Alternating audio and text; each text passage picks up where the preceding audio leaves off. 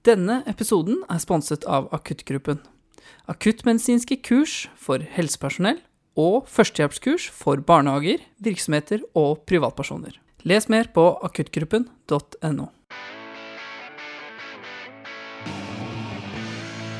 AK, dette ambulanse. Pasienten er respiratorisk og sirkulatorisk stabil. Vi kommer inn med én pasient. Du puster for fort! I dagens episode hospiterer jeg på legebilen i Oslo, NNI. Velkommen. Så kult at du ville være med og prate om dette her. da. Ja, det, er en hjertesak for meg, det, så det prater jeg gjerne om. Jeg skal møte paramedic Erik Vestnes, og vi skal prate om inhalasjonsskader. Dette er del én av inhalasjonsskader med Erik Vestnes. Da, er det for å oppleve noe nytt og gøy, og, eller noe gammelt gøy.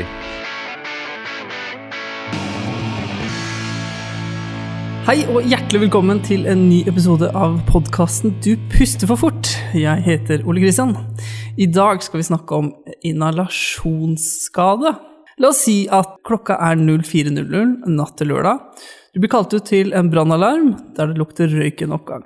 Når det kommer frem, har brannvesenet hentet ut én mann. Han er 30 år, han er sløv og desorientert. Og han oppfattes som alkoholpåvirket. Ved en undersøkelse så finner du at eh, A er fri, men han har sot i nese og munnhule. Han virker respiratorisk ubesværet og hoster noe. Han er varm og tørr i huden, har en puls på 95 og et blodtrykk på 120 over 80. Han har Glasgow Coma-score på 14 og beveger alle ekstremiteter og står normalt.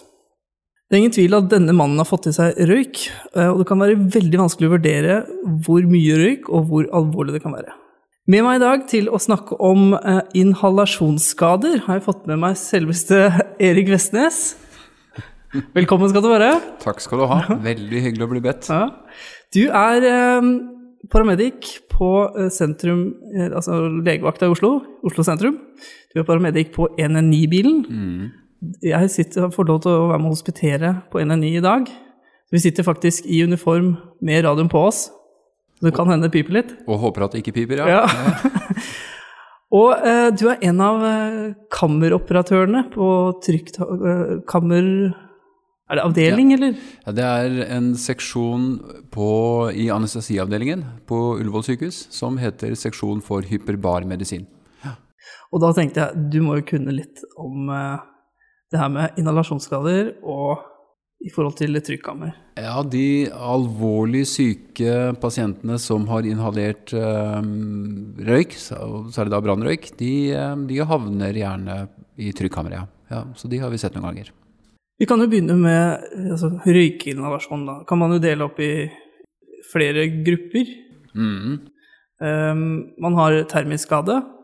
Det skal vi snakke, Alle de tre gruppene skal vi prate om nå. Termisk skade, det, altså det er utsatt for varme. Mm. Og så har vi eh, karbonmonoksidforgiftning. Mm. Og så har vi cyanidforgiftning. Mhm. Når pasienten er utsatt for røyk, så er de også utsatt for det er disse farlige stoffene Ja. og varmen. Ja, og, og, og så er det gjerne en kombinasjon sånn for sikkerhets skyld. Um, og ikke nødvendigvis så veldig lett å skille det ene fra det andre. Um, så det er um, litt, litt uh, god klinisk forståelse, litt være paranoid, uh, og litt uh, detektiv for å hente informasjon fra forskjellige, hvor da særlig eh, brann- og redningsetaten er en viktig kilde for å, for å få noe informasjon som er vanskelig for oss å finne ut av sjøl. Og målet med akkurat denne podkasten må jo være det å gjøre meg litt grann trygge, og de lytterne der ute litt grann tryggere på leveringssted, hva vi skal se etter, forstå patofysiologien bak eh, det som skjer. Mm. Jeg, skal, jeg skal prøve. Ja. skal vi begynne med termisk skade? Ja. Ehm, vi, kaller det termisk skade, eh, eller termisk inhalasjonsskade, hvis pasienten har pustet inn varme, altså fått, eh, fått høy temperatur inn i luftveiene. Eh, og det gjør man enten ved at man altså direkte puster inn vi kalle det ild, da, altså, rett og slett. Får flammer i ansiktet og inn i luftveiene. Eh, dels ved at man puster inn brannrøyk, som veldig ofte er varm. Og, og da særlig i et røykfylt rom så vil det alltid være varmere under taket fordi varmen stiger oppover. Så de som kommer løpende ut av et røykfylt rom, de kan man anta har vært utsatt for mer varme enn de som kommer krypende langs gulvet ut fra et rom. Mm. Um, og det å lete etter da, tegn på at pasienten har fått i seg for mye varme, altså kan være termisk skadd i luftveiene, det det, det er, et godt sted å starte. Og hvor, altså, hvordan ser man det? At det var utsatt for varme? Ja, eh, Da er det veldig greit å ta en lynkjapp titt rett i ansiktet på pasienten. Er det der noe tegn på en første- eller andregrads forbrenning? Um, rød, irritert, eh, sår hud, eventuelt vannblemmer, som, som, jo da tyder på andregrads forbrenning. Har man det i ansiktet, så er det veldig nærliggende å tenke at da har vel kanskje også noe av denne varmhet kommet inn i munnen når pasienten har pustet. Uh, videre så vil det være lurt å ta en titt på halsen også, for de er jo ganske nære uh, luftrøret. Uh, så, så, har man blitt, altså blitt varmepåvirket direkte av, av, av, direkte varme på halsen, ja, så kan det også gi seg utslag i varmeskade på innsiden av halsen, altså i trakea. Um, og så syns jeg det er veldig greit å ta en titt på brystet også, for har man um, termisk skade på brystet, ja, så kan jo selvfølgelig også da lungene være Så egentlig øvre halvdel av altså thorax og, og opp, da, uh, det vil være lurt å ta en titt på. Uh, så det er på en måte det, det ytre man kan, uh, kan titte på for å, for å, få en mistanke.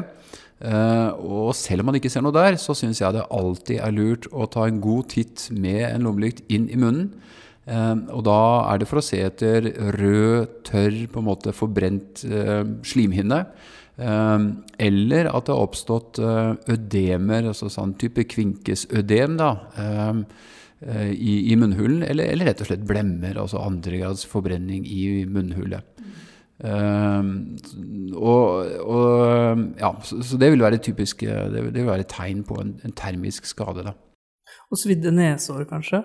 Ja, ikke sant. Svidde nesehår. Eh, og er panneluggen borte, så, eh, og, og, og, pasienten ikke ser ut som meg, altså den ble borte for ganske lenge siden, men altså at den er brått blitt borte og det lukter svidd hår, ja, så, er, så, så, er det klart tegn på at her har det vært varme opp i ansiktet på pasienten. Mm. Og typisk for disse pasientene er kanskje at de skal slukke noe, et eller annet har ja, på seg. Ja. Ja, det er, det er, liksom, det er de, de, ordentlig ivrige, de som skal slukke noe. Eh, og så er det de som, eh, som, røyker på senga, hvor det oppstår en ulmebrann som plutselig flammer litt opp i, i dyna, eh, eller madrassen for den saks skyld. Eh, de, de, får, de, har jo gjerne hatt røyken opp i nærheten av ansiktet, og dermed er, gjerne, er, det gjerne der også det da eh, kan flamme opp. Eh, og så er det de som Eh, det er, liksom, det er, ganske mange beskrevne store brannskader i overkropp og ansikt hos eh, eh, turgåere som, eh, som, tar fra en gassbrenneren som de ikke har førerkort på, eller som de ikke har sjekket på veldig lang tid, eh, og hvor gassboksen går i lufta, eller eh, det oppstår en lekkasje, og så får man en stor og ukontrollert ja, varmeutvikling. da.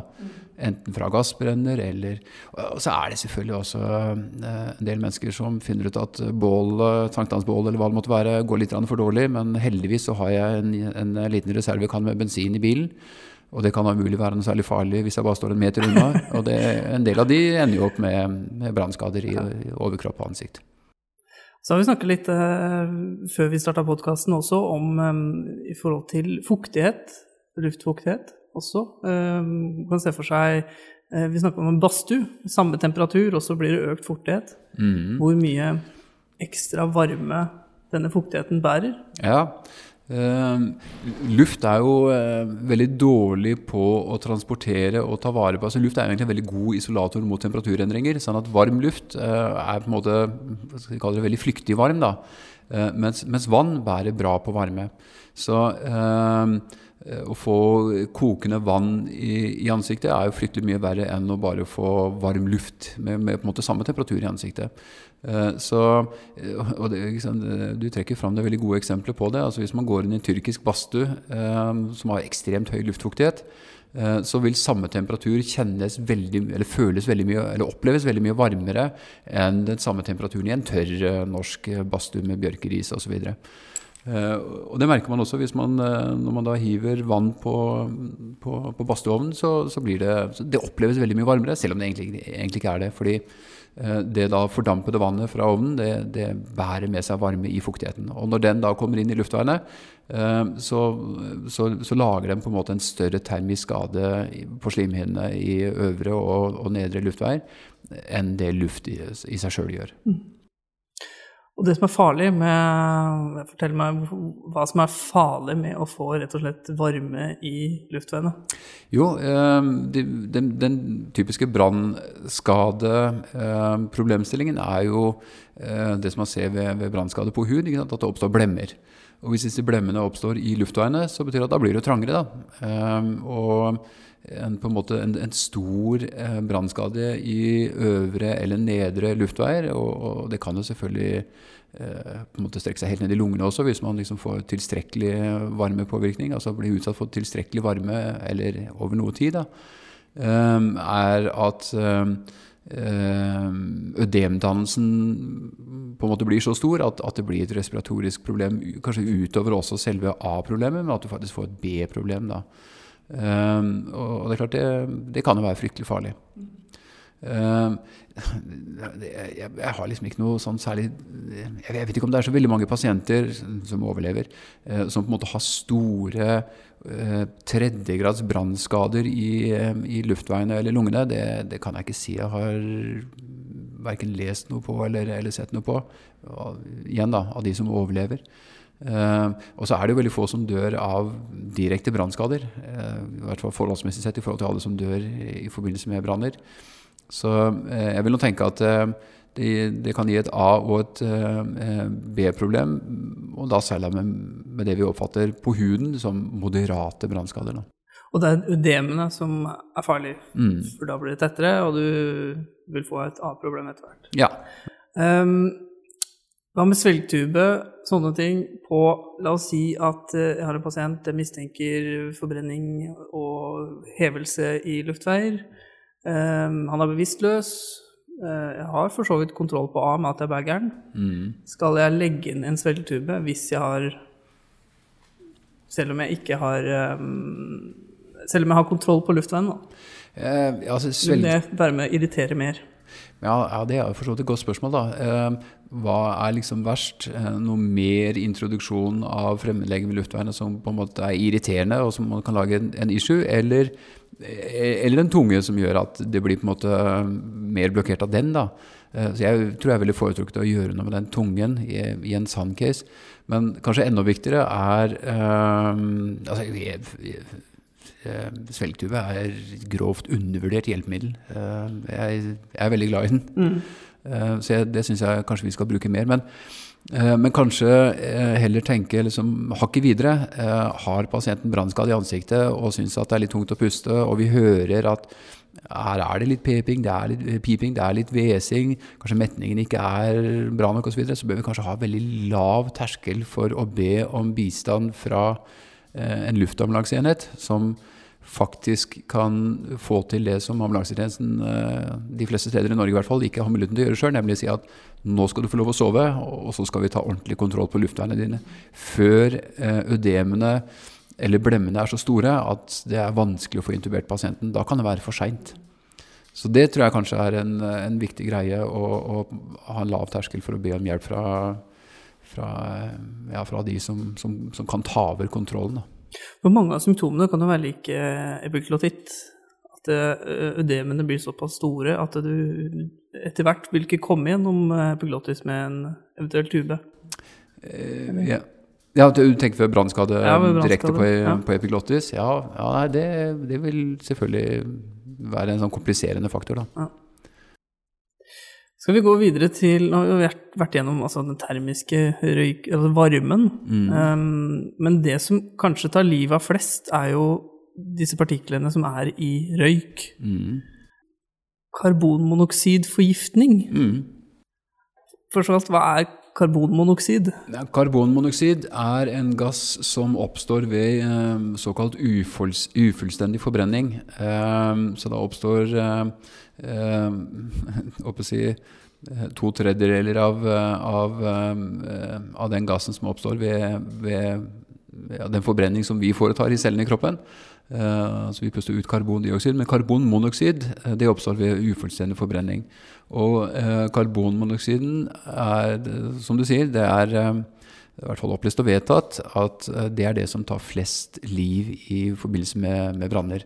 Så, så, lenge før eh, mennesker måte, blir fysisk brent av varme, eh, så har de gjerne omkommet av, eh, av karbonmonoksidforgiftning. Scandinavian Star-ulykken er jo et, eh, er et, glitrende eksempel på det. Der var det veldig mange mennesker som, som ikke var påvirket av flammene i det hele tatt.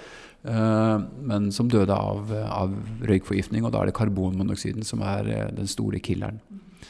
Uh, så karbonmonoksiden, den, eh, når man puster den inn, så, så, går den over i blodet, eh, binder seg til hemoglobinet, og det gjør den med en fryktelig sterk binding. Um, I litteraturen så opererer man gjerne med altså mellom 200 eller 240 ganger sterkere binding til hemoglobinet enn enn oksygenet. Hvilket betyr at oksygenet blir utkonkurrert. Det er ikke noe hemoglobin oksygenet kan binde seg til. Uh, og så får man da en, en, en slags indre kvelning, da, altså hvor det ikke kommer oksygen til, uh, til organene, til cellene. Uh, og det tåler hjernen for det første fryktelig dårlig, og også hjertet. så det er veldig vanlig med, med cerebral påvirkning på de som har fått i seg karbonmonoksid. og etter hvert også hjerte. de, opp, de fremstår hjertesjuke. Altså. De blir hypoksi, hypoksisk skadde. Eh, og, og, og, det kan man se på et EKG, blant annet.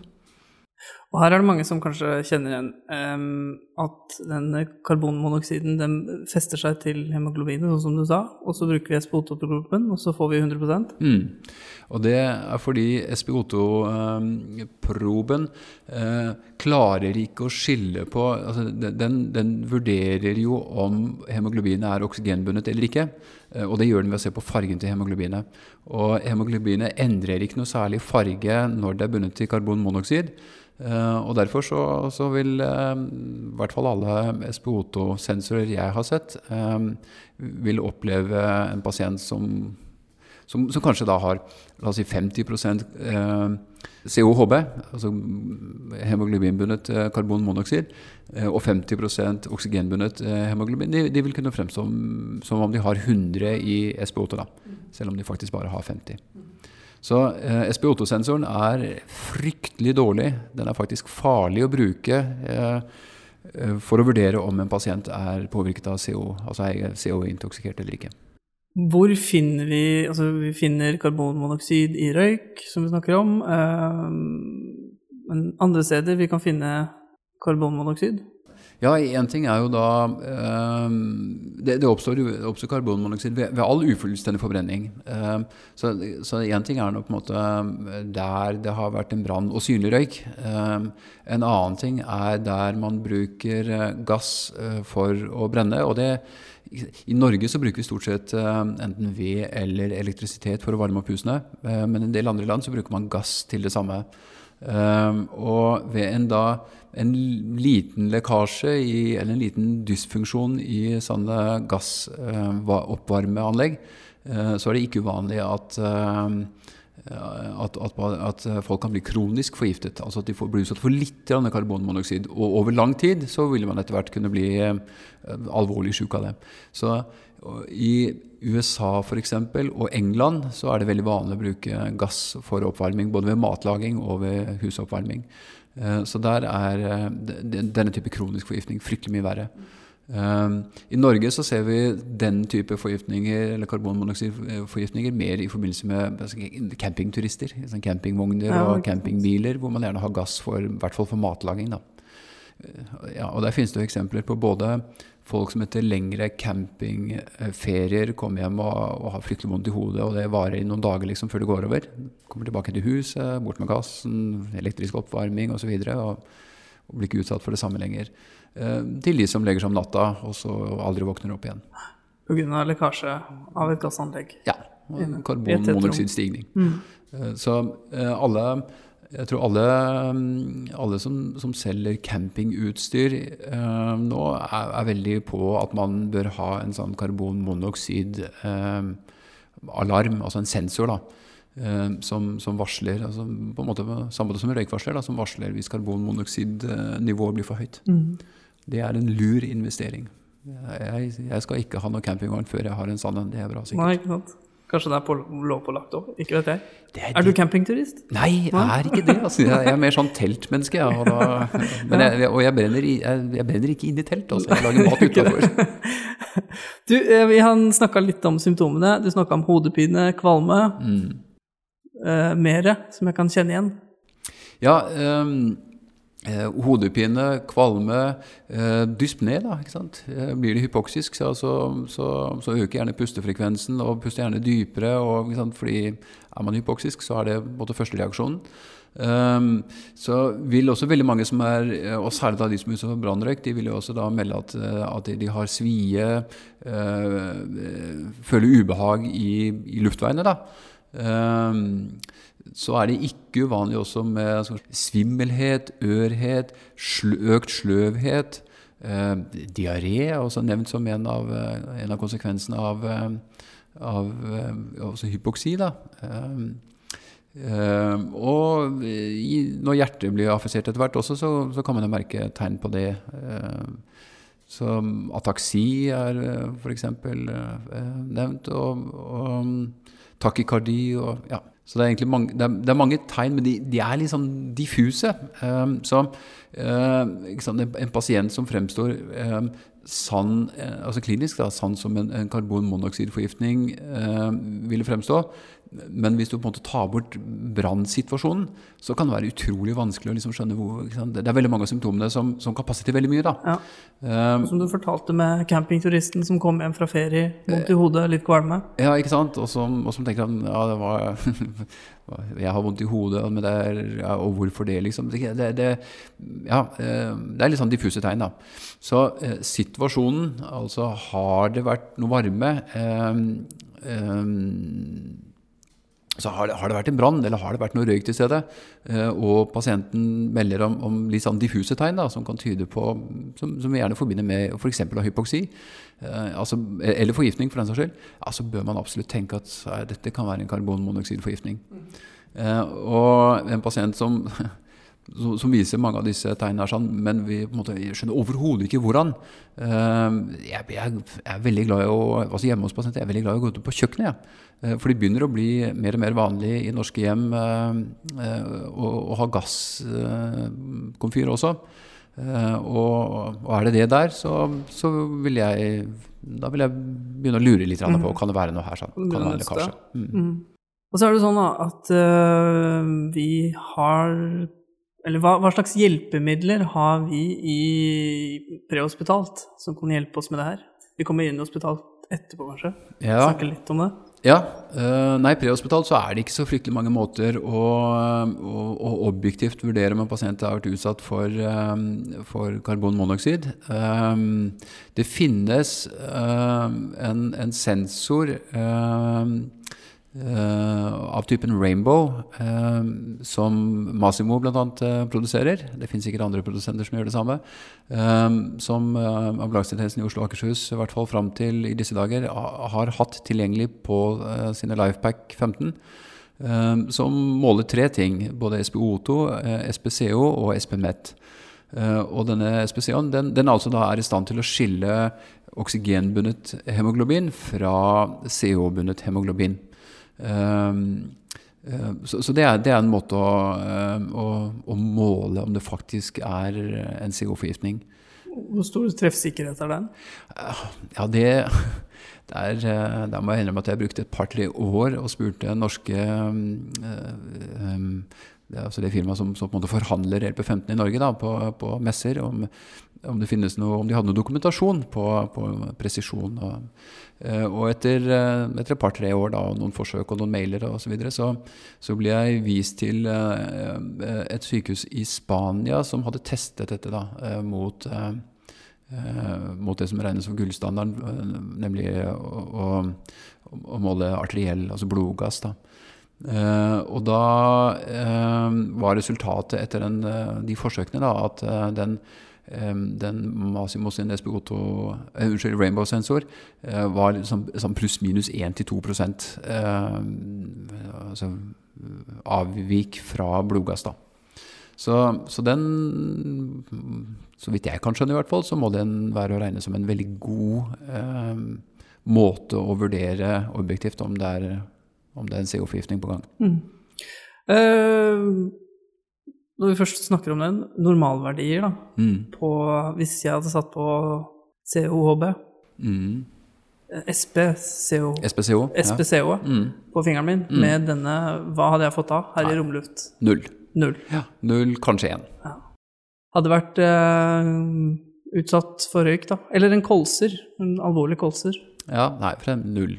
Null til 1. Og det, det er ikke sånn, Null til 1 det høres jo veldig rart ut. Det er sånn, en ting er, null er, men hvorfor blir det 1 hvis, hvis det måtte ikke er noe røyk her? sånn?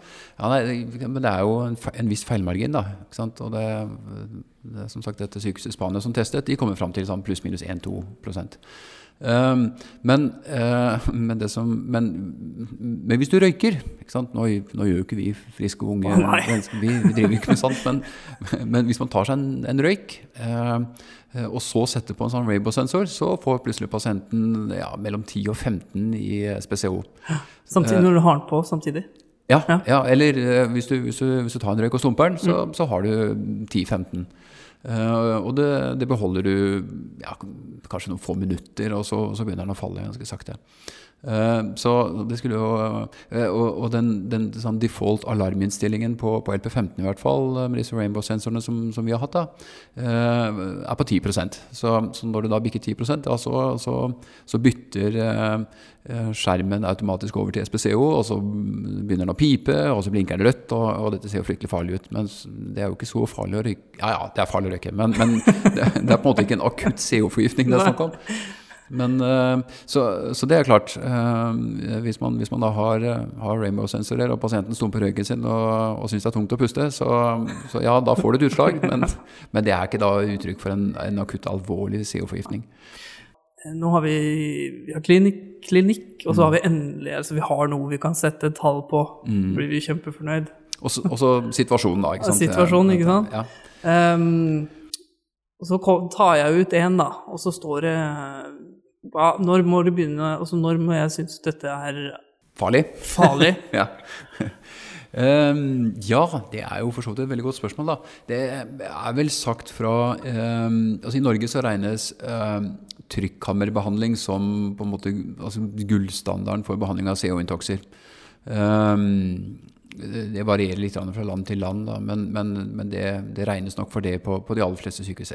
Men her, her er det nok litt sånn divergerende meninger, fordi eh, det er jo en viss risiko ved hyperbarbehandling. sånn at eh, en del steder i landet så, så vil nok kanskje motstand mot trykkammerbehandling være større enn enn det kanskje burde være. Men, men i hvert fall i Oslo-området, hvor det faktisk er et trykkammer, som er liberalt med å ta imot pasienter, så, så vil man si at hvis pasienten har under eh, 20 i, eh, i, i COHB, eh, så tror jeg ikke trykkammerlegene i utgangspunktet tenker at da må pasienten i trykkammer, og det fort som rakkeren.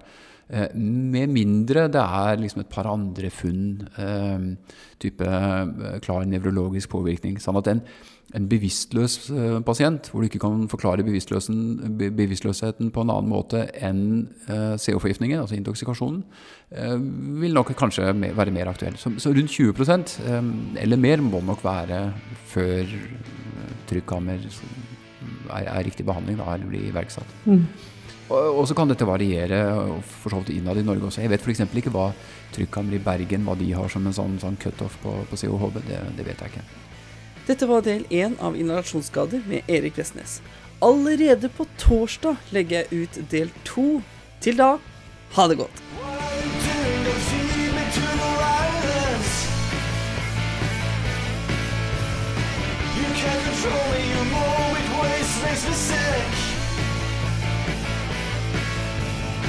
I don't feel